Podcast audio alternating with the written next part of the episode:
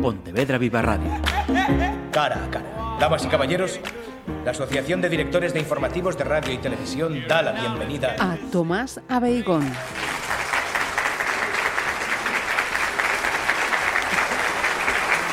Pues Tomás Abeigón, bienvenido. Buenas tardes, Marisa, a ti y a todos tus oyentes y, como no, gracias por invitarme. Es no. un placer estar aquí que además de, de, bueno pues de seguirte disfruto con tus entrevistas uh -huh. y con tus programas. Yo tengo que decir eh, y no es peloteo aquí que nadie piense que nos estamos dando a la, a la pelota que desde que enganché ese trabajo que, que, has hecho, mm, yo llevo las últimas horas, venga a hacer preguntas, venga a pensar, venga a pensar. Y espero que cualquiera de los que estéis escuchando, no espero, no, estoy segura que os va a pasar eh, lo mismo.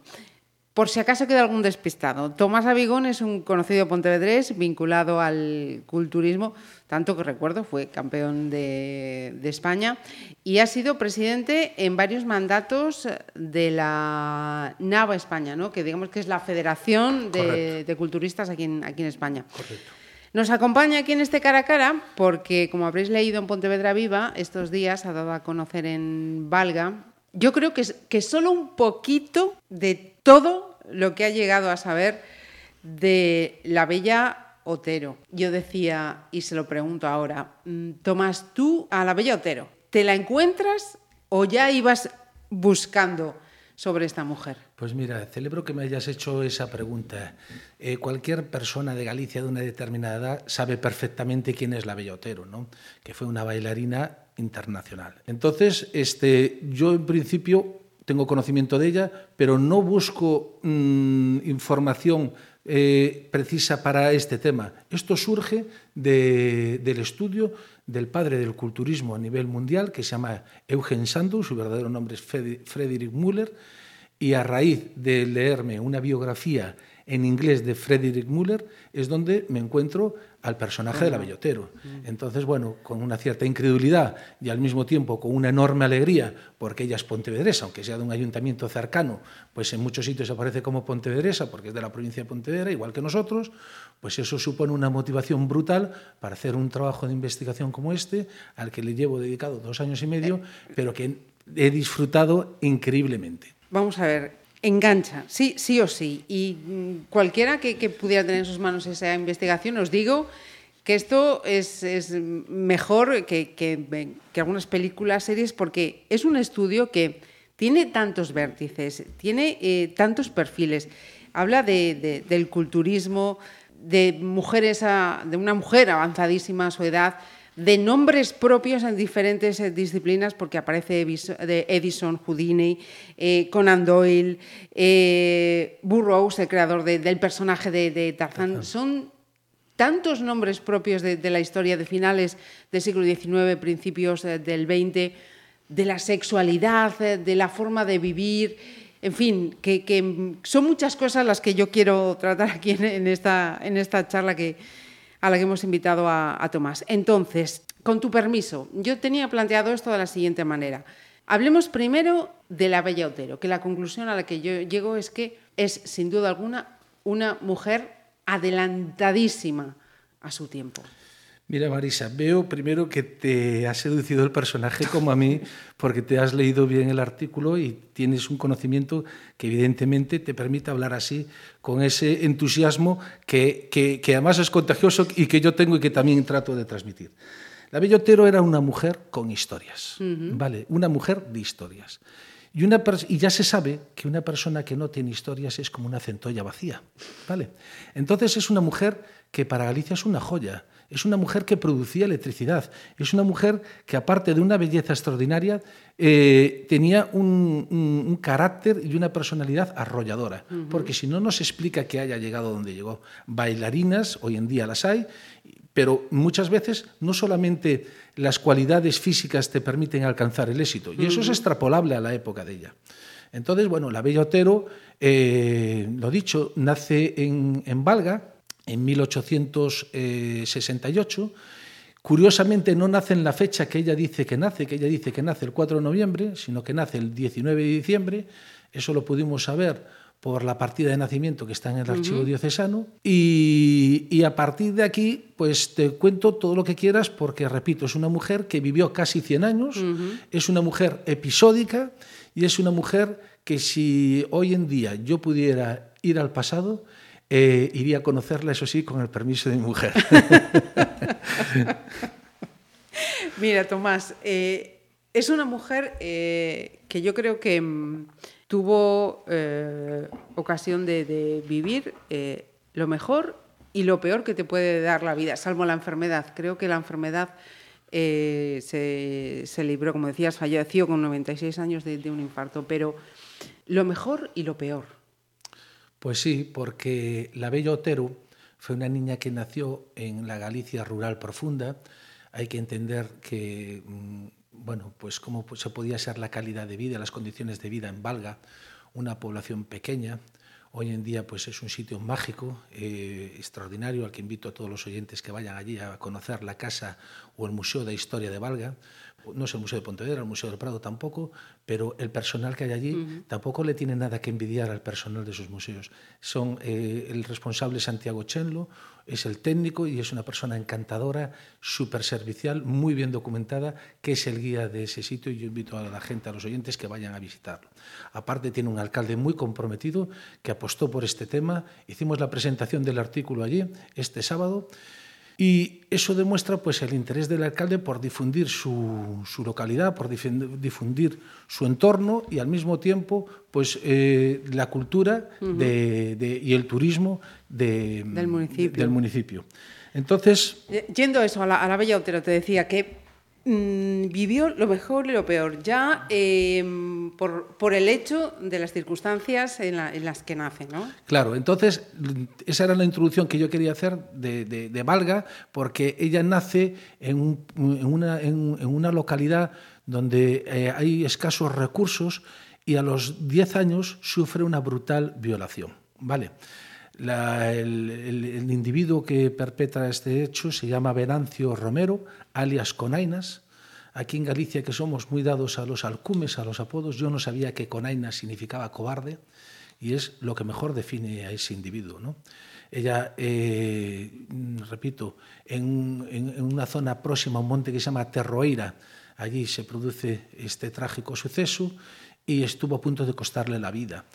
Se dice que luego la trasladaron al Hospital de Santiago, uh -huh. eh, al Real Hospital de Santiago. He consultado el libro de, de, ingreso allí y yo no he, encontrado el, no he encontrado el ingreso de la Villatero en ese hospital.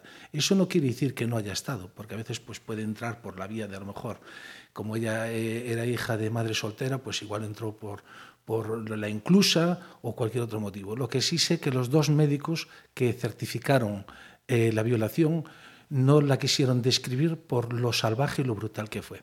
Eso nos viene a explicar un episodio de su vida que aunque luego está todo marcado por el, por, por, por, la, por, la, riqueza, de... por el glamour, de, sobre todo de la Belle Époque, sus amantes, etcétera, eso marcó de alguna forma su vida. Tiene que marcar indudablemente. Pero esto también nos demuestra cómo fue una mujer que se supo sobreponer a eso y no voy a decir que de hacer, eh, bueno, iba a decir que no hacer una, de una desgracia eh, algo positivo, pero que sí ha cogido y ha sabido pasar página. Eh, ella finalmente no se casó, no podía tener hijos, evidentemente, como resultado de eso, pero sí ha, mm, digamos, tenido una hoja de ruta de lo que quería, y, y, lo superó y vivió pues hasta los, como decías antes, 96 años. Uh -huh. Pues yo creo que feliz, porque aunque luego contaremos que tuvo una adicción al juego, pues fue una mujer que tuvo una vida, como dijimos, con muchas historias, muy, muchos episodios y una vida muy, muy rica, muy uh -huh. rica. Rica en los dos sentidos, económicamente, aunque pasó, repito, también de la miseria inicial, a, a codearse bueno, pues con reyes, con magnates y una vida rica de historias y vivencias. ¿no? Uh -huh. Y bueno, pues es un poco lo que dices tú, que vivió los dos polos, la miseria y la riqueza. Y, las desgracias y la, personales, y la desgracia capítulos personal, tan, tan sí, trágicos tan trágico como ese, como ese que ha sabido sobreponerse porque, uh -huh. repito, era una mujer con carácter inteligente, aparte de una mujer excesivamente uh -huh. bella. ¿no? Y decía yo, una mujer, concluyo, a, adelantada a su tiempo, y ahí quería que metiésemos la cuña en relación al, al, fitness, al ejercicio, ¿no? Que es donde te la encuentras en tu estudio. Sí, pues mira, eso lo, en alguna entrevista que me hicieron también lo he comentado, que era una mujer adelantada a su tiempo, y esto lo has, lo has, lo has este, deducido tú. La Bella Otero conoce, viaja en el primer viaje que hace a Nueva York en 1890, al lado del hotel ve un rótulo de un gimnasio donde se daban clases de gimnasia con pesas. Yo a día de hoy puedo decir que la gimnasia con pesas es uno de los métodos, si no el método más eficaz para conseguir una buena condición física y un buen aspecto físico. ¿Vale? Eh, entonces, eh, ella decide hacer eso, apuntarse a ese gimnasio, pero ve frustrado su intento porque ese gimnasio estaba solamente destinado para hombres. Entonces, en el año 1893, tres años después, regresa nuevamente a Nueva York y en otro sitio, cerca de la calle Broadway, bueno, mejor dicho, en Broadway, que es una calle muy larga, y en Broadway hay un gimnasio donde ve que hay clases para mujeres especializadas, que las daba un tal Luis Durlacher, más conocido como el profesor Atila, y ahí se apunta. En ese establecimiento conoce a Eugen Sandow, que forma parte de la historia de ese amor no, de esa historia de amor no correspondida, queda eh, seducida y locamente enamorada de ese hombre, y cuando vuelve a Londres coge y retoma su afición gimnástica comprando unas pesas que son unas las mancuernas son pesas de mano pesas pequeñas ¿no?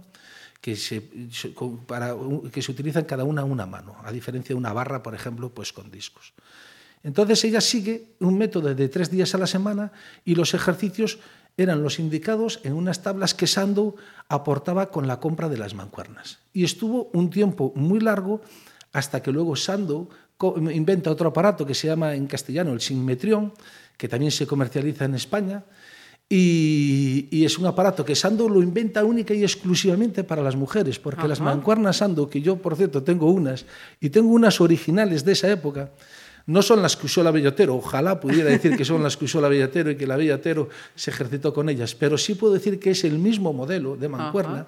Venía en una caja de latón lujosamente presentada, con una forradas con un cuero para poder agarrarlas cómodamente, eh, eran cromadas, y tenían unos muelles en el medio pues, para, además del peso que suponía moverlas, ejercitar la musculatura de las manos y de los antebrazos. Ajá. Y ella, repito, utilizó las mancuernas Sando, el método culturista, porque Sando está claro que lo que él seguía era el método. De aquel entonces no se llamaba el físico-culturismo, que es un deporte hoy en día muy conocido, se le llamaba la cultura física. Y después también utilizó, como dije, el sinmetrión, que el sinmetrión Sando lo inventa única y exclusivamente para las mujeres, para tonificar la musculatura, para mejorar la salud y para adquirir gracia en el movimiento. Porque uh -huh. al ejercitarte con él, tenías que ejercitar tu propio cuerpo. Con lo cual él entendía que había como una mayor toma de conciencia corporal de, de, de, de tu propio cuerpo y que eso facilitaba los movimientos con más gracia. Y esa es la afición de ella como, como, realmente surge y lo que la hace una pionera, porque en aquel entonces hacer gimnasia con gimnasia no era una práctica eh, femenina. femenina. y menos con pesas que se creía que era una práctica que a la mujer la masculinizaba. Pero Sando había siempre interpretado que el hombre y la mujer no tenían por qué conformarse con el cuerpo que habían nacido, que lo podían cambiar a través del ejercicio y de la dieta algo que él, mismo, que él mismo vivió en sus propias carnes, porque Sando el cuerpo que obtuvo fue que un día su padre lo lleva a Roma, ve las tres estatuas griegas, también estuvo, perdón, estuvo en Grecia primero, después estuvo en Roma, bueno, Sando viajó por todo el mundo, pero en Grecia fue donde él quedó eh, total, por sí, por esas estatuas medidas. griegas, se molestó en tomar las medidas de las esculturas griegas para luego extrapolarlo a su propio cuerpo, y fue tal el nivel que él alcanzó que el Museo de Historia Natural de Londres le hizo una escultura una en yeso de, de, su propio cuerpo que, está, que, que, aún existe, que aún existe. Entonces, claro, eh, Sandow fue en ese sentido muy innovador y ella igual, y podemos decir como titular que Eugen Sandow y la Bellotero fueron unos grandes defensores de, de, lo que sería la igualdad en el deporte, en el ejercicio físico a través de, de la gimnasia. Nos quedamos con, con, esa frase que nos acaba de decir eh, Tomás, eh, porque luego también eh, le preguntaré al respecto mirando, mirando al, al, futuro. Tenemos entonces eso, una mujer que entra en ese campo masculino una vez más, rompe esa, esa barrera. Fíjate, ha habido una frase que he leído de tu estudio que me, que me llamó la atención y que dice mucho también de ella. Admiré mi cuerpo antes que lo admiraran otros. Sí. Eso, que lo diga una mujer a finales del siglo XIX, principios del XX. Es muy grande. Sí, porque tengo en cuenta que ella de nacimiento fue una mujer de rostro extremadamente eh, bella. De ahí viene el, el- el Otero. bello Otero, claro. Pero sabía, sabía que su, su arma, su secreto de la belleza, estaba también en tener un buen cuerpo para poder hacer su trabajo con una cierta resistencia, flexibilidad, con una cierta agilidad, una cierta velocidad, que eso te lo da el ejercicio. Ajá. Como hoy en día hacen la mayor, todos, no digo la mayor parte, sino todos los gimnastas y los bailarines, que hacen muchísimo ejercicio físico. Entonces, bueno, la Bella Otero, aparte de que ella sabía que eso podía ser el pasaporte para muchos teatros, tener ese buen aspecto, también era una herramienta de seducción para los hombres que ella Ajá. quería conquistar, que repito, pues eran hombres eh, de un alto, Zares, eh, príncipes, reyes. eh, Vamos eh, entonces a dejar un momento ahí a la Bella Otero y nos vamos con Sandow. Ya nos has avanzado ya algunas pinceladas y vemos que también este hombre en esta disciplina eh, es también otro adelantado a su momento por estos eh, inventos que acabas de señalar, por eh, esa forma de aplicarlo a sí mismo y decir que en ese momento también el culturismo era un espectáculo de, masas, ¿no? Este hombre llenaba recintos. Evidentemente, Eugenio Sandow perdón, se inició primero en el gimnasio de- del profesor Atila, Atila. fue alumno de él, después coincidió que lo fue a visitar a Estados Unidos y él montó su propio gimnasio porque había desarrollado un método que era el método de la cultura física, del cual hizo varios libros, porque Sandow tiene una faceta empresarial en ese sentido abrumadora, es decir, editó libros, editó una revista que se llamaba Sandow Magazine, inventó las mancuernas Sandow, hizo el simetrión, inventó otros aparatos menos populares, eh, hacía exhibiciones, organizó la primera gran competición que hubo del mundo del culturismo, que se llamaba así, la gran competición en el Madison Square Garden de Nueva York, a donde asistió, entre otros, eh, importantísimos... eh, Conan Doyle, ¿no? He visto. Co- Conan Doyle fue, fue miembro del, era miembro del jurado. Y Charles Lawis, que era un escultor, porque había tres miembros, que era el escultor y pintor, Conan Doyle y, y el propio Sandow. Y bueno, pues ahí tuvo una ovación Sandow de, de- de cinco minutos que la gente le estaba aplaudiendo al acabar en su exhibición. Era una persona muy mm, mm, con un carisma fuera de lo común, un grandísimo empresario, y después hizo una gira, porque hay un paralelismo entre la Bella Otero y él. Y es que, eh, y aparte que curiosamente, eh, utilizaban los mismos escenarios para exhibir sus, sus dotes, ¿no? Es decir, la Bella Otero era bailarina y cantante y actuaba en, musi- en musicales, en, en teatros, y Sandow hacía lo mismo porque ahí había espectáculos de variedad donde había eh, la figura del forzudo y que al mismo tiempo él le añadía lo del aspecto muscular, que eran unas exhibiciones que dejaban eh, atónitos. Boquiabiertos. a- a- sí, pero tanto a hombres como a mujeres, porque después hay anécdotas que tú sabes de... en Sí, este- buenísima, en- lo de en- pasar a- al camerino, digamos, y que Sí. por un dinero pudieran tocar la musculatura. Sí, de este eh, hombre, un avispado empresario se dio cuenta que al acabar Sandow, bueno, eh, hay una anécdota que es que él estaba hacía una demostración que tenía que luchar contra un elefante bebé y entonces resulta que este elefante con la trompa lo llenó, lo, lo- lo embadurnó de agua. Entonces se sacó la ropa, se sacó la ropa y entonces una mujer que lo vio pues este, lo- se acercó y, y- y quedó totalmente seducida de aquella musculatura. Entonces este avispado empresario se dio cuenta de que, y de que eso era, podía ser negocio y ofrecía una cantidad de bueno, pedía una cantidad de dólares importantes a aquellas personas que quisieran ir en privado a, a tener este, un contacto con Sandow, ¿no? y que ese dinero era, era para la caridad. Bueno, la caridad era el bolsillo de este empresario, pero en cualquier caso, este, sí era verdad que atraía muchísimas mujeres porque, repito, no era algo habitual. Hoy es, mm, no es nada eh, raro raro ver personas con un buen aspecto físico, incluso muy musculosas, pero en aquel entonces era algo totalmente mm. inédito. Y en la biografía de Sandow confluye Edison. Thomas Alva Edison, efectivamente.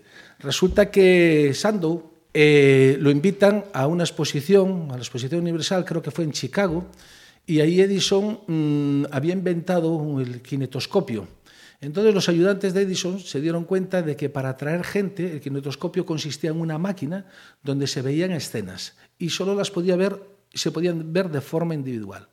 Entonces sabían que lo que podía traer era que hubiera eh, personas ya conocidas del mundo del espectáculo, de, de vodevil, y, y, una de ellas era Eugen Sando, que repito, gozaba de muchísima popularidad, porque este hombre llenó un teatro en Nueva York con, con más gente de la que en su día eh, podía haber congregado Houdini, ¿no? Eh, el escapista Houdini. Sí, ¿no? sí. Entonces, de alguna forma, eh, Sandow contactó, bueno, los ayudantes de Thomas Alva Edison contactaron con él y entonces él les quería cobrar una cantidad por hacer esas demostraciones para que lo pudieran grabar y pudieran ver una secuencia de poses, pero él accedió a que si podía tener contacto y relación y hablar con Eugen Sandow, que no cobraría, perdón, con, con Thomas Alva Edison, Edison. que evidentemente ya era una celebridad, no cobraría nada. Y de ahí surgió una amistad. Ajá, fíjate tú lo que son las cosas. También eh, confluye en la vida de Sandow el rey Jorge V, ¿no? que creo que fue al que, vamos a decir, entrenó ¿no? Sí. con, el, con el tiempo. Como dijimos que era un pionero, Sandow fue de los pioneros del entrenamiento personal. El entrenamiento personal no es ni más ni menos que tener una persona hoy en día, pues bueno, Tutelando tu sí, ejercicio. exactamente, que te dirigen, que te hacen la programación y que están contigo motivándote para hacerlo. Entonces, bueno, pues Sandow, eh, como era una persona altamente relacionada, pues eh, contactó con el Jorge V y él era su entrenador personal y asistió a esa, digamos, a esa gran competición que congregó 15.000 personas. Cuando tú me decías que movía masas, pues claro que movía masas, porque hoy en día congregar 5.000, 15.000 personas no es nada fácil. Y entre ellos estaba él. Y, y el- y- y su relación venía por ahí, porque era su entrenador personal. Y estamos hablando de aquella, que ahora uno no manda, o sea, de aquella no se mandaba un WhatsApp y se decía espectáculo de tal, no, no, no, no existía. Eso es cual- importantísimo porque mm, incluso los desplazamientos, eh, venir a lo mejor de Valga a Pontevedra, como hizo la Bella Otero, que la Bella Otero tiene un episodio aquí en Pontevedra muy interesante, por eso también fue otra de las motivaciones que a mí me llevó a hacer el artículo. No solamente la relación con Eugen Sando, sino que ella tuvo un, un protagonismo en esta ciudad. Fue rebautizada. Ajá. La Bella Otero se llamaba de nacimiento eh, Agustina Otero Iglesias, que tenía los apellidos de su madre, porque como dijimos era hija de soltera. Entonces, cuando llega a Pontevedra, cuando, ¿quieres que te cuente este episodio? ¿Te Sí, sí, va- hacemos ese paréntesis, cuéntalo, cuéntalo, luego retomo que lo tengo en la mente. Vale, pues nada, ella eh, mm, a los 14 años se viene para Pontevedra, estaba en un convento en Padrón y ya cansada también de la miseria que había allí de la disciplina, conoció a un, un escultor portugués, decide venirse a Pontevedra con él, se fuga evidentemente, viene a Pontevedra y dando un paseo por la zona vieja de Pontevedra, escucha pues este griterío, repique de castañuelas y, y- Fiesta. y fiesta.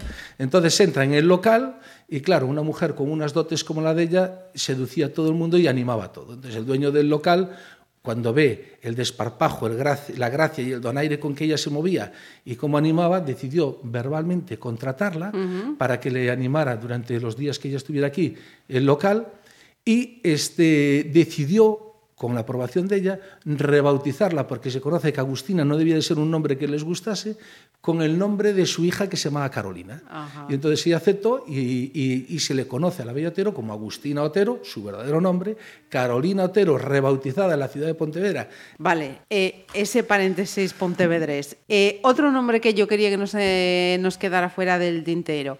¿Quién no conoce a Tarzán?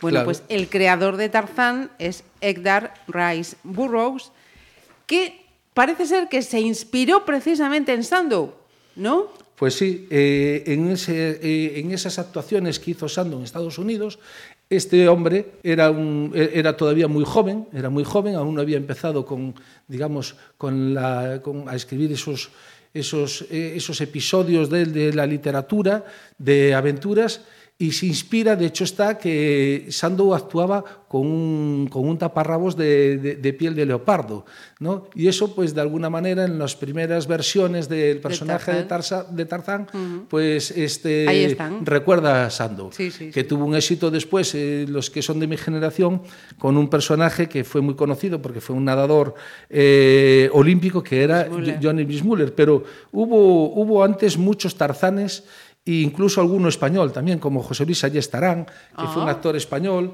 y, y alguno otro más. Ajá.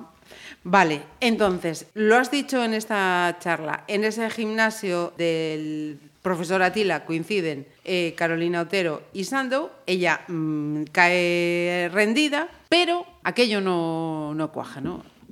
Sandow no, no, no, cae rendido a los pies de, pues, de Carolina. precisamente no. Mira, la Bella Otero, eh, Marisa era una mujer, como dijimos, que se consideraba la mujer más bella de Europa. Uh -huh.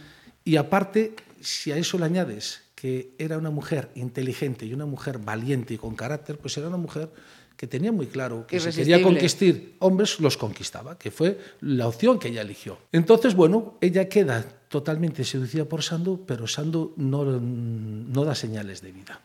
Entonces, años después, estaban actuando los dos en Londres, ella en el Empire Music Hall y él en el Alhambra Music Hall, que eran dos teatros, en Londres que no distaban mucho uno del otro, y ella le mandó una nota a través de un empleado de su teatro a Sandu, pero Sandu no dio señales de vida, no respondió.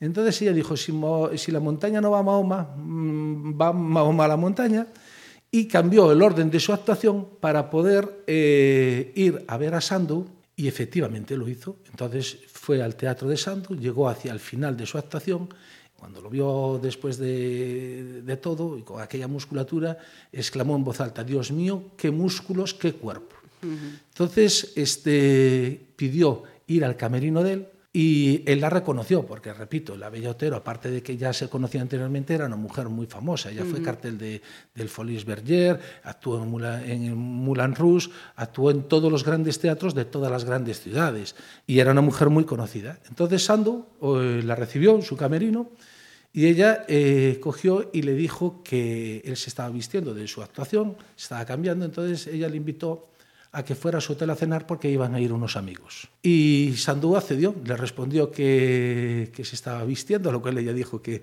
que no hacía no falta, que no había problema, que no tuviera ninguna prisa, que ese no era el problema.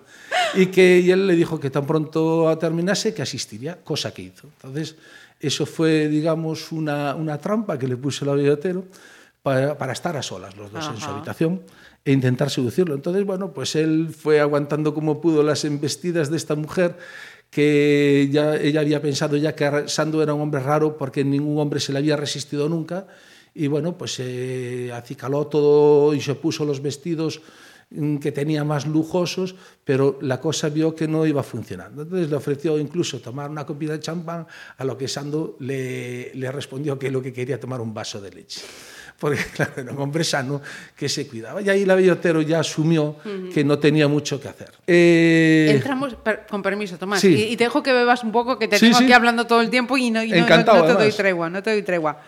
Entramos en otro vértice más de toda investigación, ¿no? Y que también tiene su injundia en este momento. Eh, hablamos de la homosexualidad de Sandow. Sí, sí. ¿Cómo, cómo trasciende y, y, en qué contexto y qué consecuencias tiene para la vida personal de, de Sandow? Pues mira, esa es la segunda parte de, de, de, esta historia de amor no correspondida. Sandow recibe una carta de puño y letra de la Bellotero, donde la Bellotero le confiesa que en toda su vida solo se enamoró dos veces y que solo dos hombres conquistaron su corazón. Solo dos. En su Valga natal, cuando era una niña, Ramón aparece en muchos sitios como Ramón Choucela, pero los registros nos dicen que su nombre era Ramón Touceda, y otro era el propio Sando. Y esa carta pues se la manda, se la manda Sando la lee y queda conmocionado pues de esa declaración. Entonces uh -huh. decide responderle y en la respuesta que le manda al hotel donde estaba la bellotero, él le confiesa que había llevado una doble vida porque tenía una relación con el músico, con el compositor que le hacía la música para sus, para sus actuaciones, uh -huh. que se llamaba Martinus Siebeking. Y que era ya una persona, incluso pues, en, en el aspecto musical, ya con una, carrera, con una carrera ya muy reconocida. Eh, en esa misiva, pues él le dice que los dos se conocieron en Bélgica, porque curiosamente Sandow y él tenían la misma edad, nacieron el mismo año. Uh -huh y que bueno habían formado un vínculo tan grande que era obvio que su matrimonio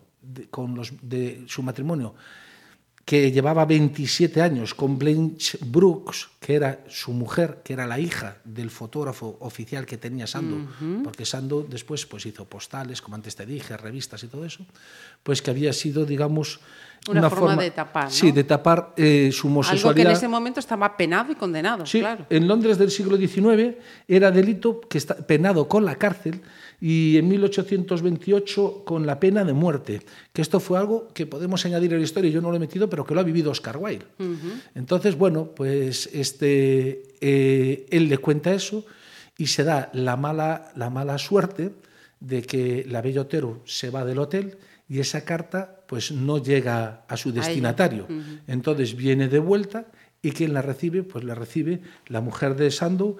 Eh, que se entera de esas circunstancias Blanche, de esa manera. Sí, que se entera de, digamos, de la doble vida que llevaba su marido. Tenían dos hijas, tenían dos hijas, ese matrimonio tuvo dos hijas, pero Sandow ya le había pedido varias veces el divorcio y ella nunca había aceptado. No sé el motivo por los cuales no lo aceptó, yo creo que tenía un alto nivel de vida, eh, probablemente también eh, era una mujer que, mm, bueno, mm, como, como todas las personas que pasaron por la vida de Sandow, quedó seducida eh, de, del carisma que tenía este hombre. ¿no? Y bueno, pues ella no aceptó divorciarse nunca de él. Y, llevó y su muy... venganza sí, es sí, sí, sí, tremenda. Su, su, venganza fue muy cruel porque ella, eh, cuando murió Sandow, decidió no poner ninguna lápida para que eso no se convirtiera en ningún, digamos, eh, centro de culto para que sus, sus, sus, seguidores pudieran ir y quemó todas sus pertenencias. De hecho, está que durante muchos años la, la tumba de Sandow en el cementerio de Putney Valley en Londres eh, no tenía lápida. Y, y, de esa manera pues ella le impidió a muchísimas personas que de alguna manera eh, querían mm, hacerle Homenajear, sí, homenajear a alguien que le inspiró, porque hay que entender que Sandow eh, era como una estrella de rock hoy en día, es uh -huh. decir, incluso en el mundo del cine, pues por poner un personaje que tiene muchísimo carisma y que lo conocen en todas las partes del mundo, es Arnold Schwarzenegger, que es uh -huh. un, fue actor, fue político, eh, un hombre de negocios, casado con una Kennedy, es una persona que donde va bueno, pues este, no necesita presentación, pues Sandow era el equivalente en aquellos tiempos. Entonces era un hombre que detrás de él había pues un, muchísimos seguidores, como ahora los cementerios famosos, por ejemplo, pues yo estuve en el cementerio de Père Lachaise en París, y ahí es que está la, la tumba de Oscar Wilde, y va uh -huh. muchísima gente a visitarlo, pues ella quiso, digamos, negarle esa opción en venganza a esa, digamos, mm, doble vida que él llevó que mmm, de alguna manera, pues... Eh, el tiempo finalmente ha hecho que no lo consiga, ¿no? Claro que no, porque hoy en día, eh, bueno, ya hace unos años, uno de sus biógrafos le puso una placa de mármol diciendo aquí estaba enterrado en Sando. Yo tengo una fotografía de esa placa y Sando murió en el año 1925. El tiempo pasa muy rápido, pero no sé, hará 8 o 10 años, unos descendientes de Sando eh, sustituyeron esa, digamos, esa lápida, pequeña lápida de mármol, por una roca, por una roca que en rojo tiene una inscripción que pone Sandu. Y claro, eh, somos muchos los que tenemos Peregrináis allí, y que ¿eh? peregrinamos. Son lugares de peregrinación, como por ejemplo pues Jim Morrison, sí, Larousse, sí, o eh, André Citroën, que están en estos cementerios y que la gente pues va allí pues un poco en reconocimiento y, y yo, yo lo reconozco porque aparte hay una cultura de hoy en día de, si quieres, funeraria sí, sí. Y, y, y yo que he ido por personajes de mi profesión, ¿entiendes? Como por ejemplo, pues eh, Juan Ferrero en Burdeos, Amorós, que está en el cementerio de, de Montmartre, en París. No, perdón, de, Mont, de Montparnasse. Montparnasse, Y el que está enterrado en París es eh, un famosísimo personaje de la educación física y de la cultura física que se llamaba Hipólito Triat, que también fue enterrado en una, eh, cuando murió lo enterraron en, en una fosa común y un discípulo de él lo rescató y lo enterró en el cementerio de Montmartre, en París, y lo enterró en la tumba familiar para que no se olvidaran sus restos. Y hoy en día hay miles de personas en esta ciudad y en todas las ciudades del mundo que van al gimnasio, que se cuidan, que hacen ejercicio, que les gusta tener un buen aspecto, un buen aspecto físico, y eso se lo deben a Hipólito Triat, en parte, y también a Sandow, Ajá. porque fueron mm, no exactamente cotáneos, pero fueron eh, Pioneros. pioneros, tanto eh, uno en la educación física como el otro en la cultura física. Decías, 1925 había fallecido Sandow. ¿De qué falleció? Que ese dato no recuerdo. Mira, Sandow murió por una sífilis. Lo que Ajá. pasa que se trató, se dijo que él había muerto de un aneurisma de aorta. Eh, tamén en un lado he leído que Sandow falleció eh, a raíz dun sobreesfuerzo porque como era un hombre muy rico de aquella ya tenía coche y entonces parece ser que pinchó una rueda y se cuenta que él mismo sujetó el propio coche para que se cambiara la rueda y que de ese sobreesfuerzo se había muerto. Pero la razón fundamental de su muerte fue una sífilis. Volvemos a la, a la bella Otero, que sí luego eh, sobrevivió a este hombre bastantes años, hasta los eh, 96, pero mm, he visto, eh, por lo que comentabas en esta investigación, que al final de su vida se acordó de los vecinos de Valga, pero también me has contado que durante su vida tampoco se olvidó de aquellos vecinos que, que precisaban una ayuda. Mira, Marisa, la Bella Otero se calcula que su fortuna en la actualidad podría equivaler a 58.000 millones de pesetas. Lo, te lo digo en pesetas porque en euros probablemente mmm, muchos no... Nos no perderíamos. sí, Yo no, la se hagan- primera. no se hagan- no serían la idea de la cantidad de dinero que es. Es cierto que ella murió en unas condiciones muy tristes porque no tenía descendencia. Y económicamente, eh, después, o si quieres, te lo, bueno, te lo cuento en el momento que tú quieras, ella eh, fue ayudada por el casino de Monte Carlo, donde dilapidó su fortuna. Ajá. Entonces, cuando se murió, donó 500 francos, que es lo que tenía, y de ser una mujer con las joyas más ostentosas, al final tenía bisutería. Es decir, que tenía, no tenía prácticamente nada. Pero a lo largo de su vida, ella se preocupó a través de un sacerdote de mandarle ayudas a su madre y también para la gente del pueblo. Y para la gente del pueblo le mandaba vestidos que ella había utilizado, imagínate vestidos con unas telas muy costosas, que finalmente acababan, eh, el fin que tenían era para vestir a las vírgenes eh, de los santuarios de- del entorno de Valga. E incluso se dice que había un- una parroquia que solamente se podía acceder en un carro de vacas y que los mantos y los vestidos de la Virgen se habían elaborado con la ropa de la Bellotero. También hay una anécdota de la madre de la Bellotero. Hoy en día Puente Cesures, que es un ayuntamiento muy pequeñito, que está próximo a Valga, Ajá. había un médico al que asistía la madre de la Bellotero eh, que se llamaba eh, Carmen Otero Iglesias. Entonces, el médico que la atendió, como vio que era una mujer, ella le dijo que no le podía pagar, dijo, bueno, pues el día, si algún día me puede mandar algún recuerdo de su hija, pues yo Le se lo doy acepto". por pagado. Y ella le regaló unas medias, unas medias que había utilizado su hija, que después las heredó porque este señor no tenía descendencia y las heredaron unos sobrinos de ellos. Y en las hemerotecas, porque esta información dice, bueno, Tomás, ¿y cómo sabes eso? Porque, bueno, evidentemente hay que bucear, hay que bucear en archivos, pero después estas cosas pues vienen más bien como eh, curiosidades en las hemerotecas. Y entonces, descendientes de este médico, de este médico, en alguna fotografía aparecen por ahí aquellas medias que utilizó la, la Bella La Bella Otero, Otero. y que evidentemente tuvieron un contacto eh, físico con él, Sí, porque sí. era un objeto, era un objeto Como un fetiche. Sí, exactamente. y, y de esa era pues una, una- una forma que ella retribuyó pues eh, esos servicios médicos que no podía pagar. Dos años y medio Sí. de investigaciones de Tomás. Yo tengo la impresión de que esto no ha hecho más que empezar, Tomás. Bueno. Ha hecho- no ha hecho más que empezar los resultados y el devenir de esta investigación.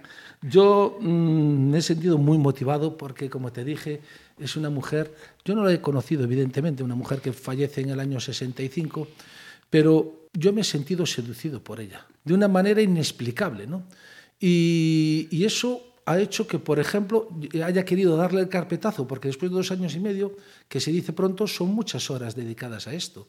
Y hay muchas horas que son horas estériles, que vas un día al archivo y no encuentras, encuentras nada, nada, y otro claro. día y no encuentras nada, y no encuentras nada.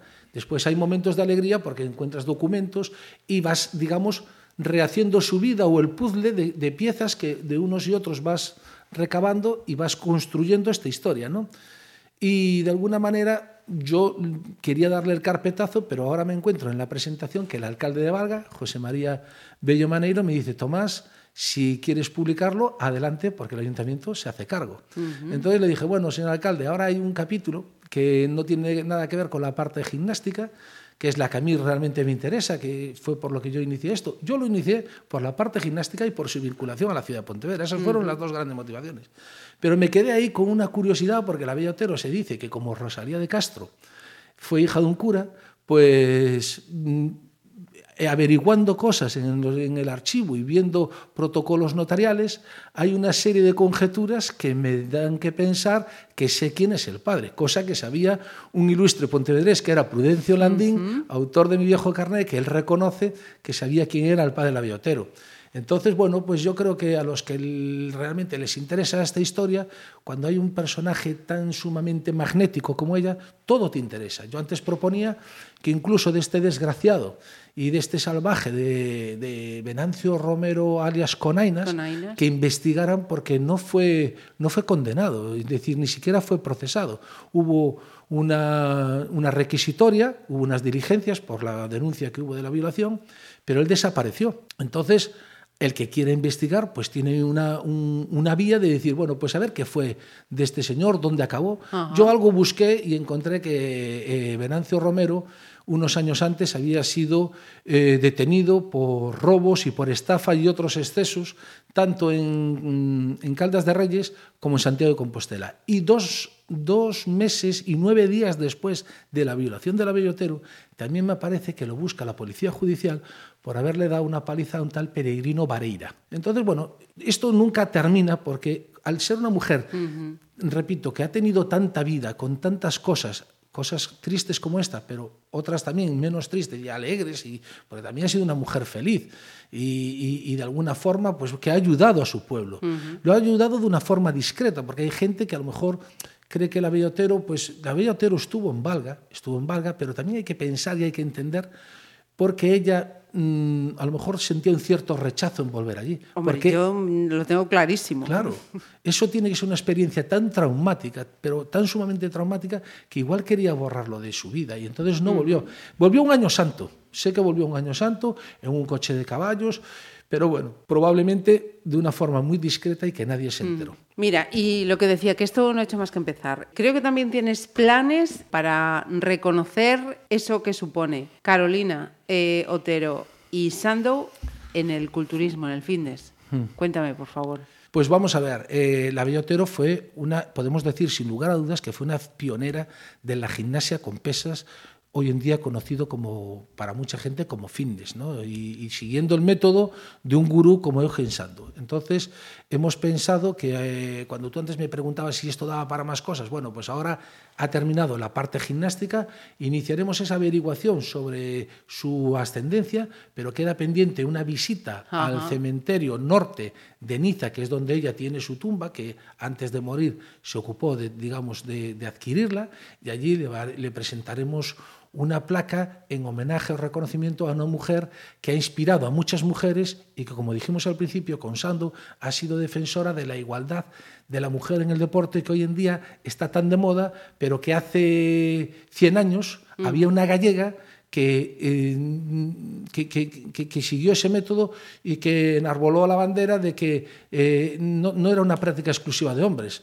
al contrario ¿Entiendes? Gracias a ella, pues eh, muchas mujeres abandonaron los corsés, hicieron ejercicio, porque la bellotero, igual que ahora las estrellas generan influencia e inspiración, ella también hizo lo mismo con otras mujeres. Pues fíjate, estamos hablando de una mujer que nace en el 1868, que fallece en 1965, y precisamente hoy, a pie de 2019, viendo una información sobre la presentación del logotipo de las Olimpiadas de París, hacen mención a la mujer que yo decía, esto es una conjunción. Marisa, eso es buenísimo, porque también lo he visto yo y dije, bueno, hoy cuando esté con Marisa lo tengo que decir. Hoy reivindicaban la igualdad de la mujer en el deporte y yo estaba diciendo, pero si, además en París, donde ella desarrolló muchísimo, una parte muy importante de su vida. ¿Entiendes? Después murió en Niza, pero eh, eh, eh, París fue para ella, digamos, su culmen. Sí, y, y, lógicamente ahora en la presentación de los Juegos Olímpicos del 2024 van a reivindicar algo que una gallega, una paisana nuestra, pues podemos decir a ciencia cierta que ella ya defendía esa esa, esa práctica máxima. y esa máxima de que la mujer puede hacer deporte como el hombre y alcanzar cotas iguales o superiores al hombre en todas las facetas de la vida. ¿no? Uh -huh. Pero bueno, yo me alegro muchísimo porque es una curiosidad que me alegro que te hayas acordado porque si no yo igual no me acordaba en decirla. Muy buena, ¿eh? Muy buena. Tomás, tengo la impresión de que esto va a ser un cara a cara primera parte que volveremos a invitarte para que nos sigas contando más cosas. Marisa, yo he disfrutado y disfruto mucho aquí hablando contigo porque además contagias con tu sonrisa y con tu vitalidad y tus preguntas eh, lo que yo también siento que es esa pasión por el conocimiento, por, por el deporte y por, y, y, y por, difundir cosas de nuestra tierra. Uh -huh. Yo evidentemente estaré a vuestra disposición para todo lo que queráis que hablemos, eh, relacionado lógicamente con los temas que, que yo conozco, que a mí es de lo que me gusta hablar. Quiero reiterar eh, las gracias al, al Concello de, de, de Valga, de Valga. Eh, la figura de su alcalde, el, el señor José María Bello Maneiro y todo el equipo de ellos. Y que, y que, bueno, que toda la gente que tenga interés en saber cosas del abellotero, pues que, que, que lean su vida, porque es de estas personas que mm, animan a que uno le, le, le, llene su vida y que se dé cuenta lo que decíamos al principio, que una persona sin historias uh -huh es como, es, es, es, como una centolla vacía. Uh -huh. Por eso es lo, lo, importante es quedarse con ese mensaje de que, de que lo importante es tener cosas que contar cuando seamos mayores y, y, ser valiente y ser decidido, que fue lo que ella hizo, que, que triunfara pues, en el mundo del arte, en el mundo de la canción, en el mundo del, de, del baile, uh -huh. como, como hizo y que gracias a, ella, a, eso pues estamos aquí hablando de ella. Lo dicho. Muchísimas gracias. Gracias a ti, Marisa. Ha sido un placer. Pontevedra Viva Radio ¿Me permiten que les haga un comentario como espectadores del programa Cara a Cara? Según un reciente sondeo de mercado, ustedes disponen de estudios e inteligencias superiores a la media. Sus intereses abarcan desde la actualidad mundial y la ciencia hasta el deporte y los espectáculos.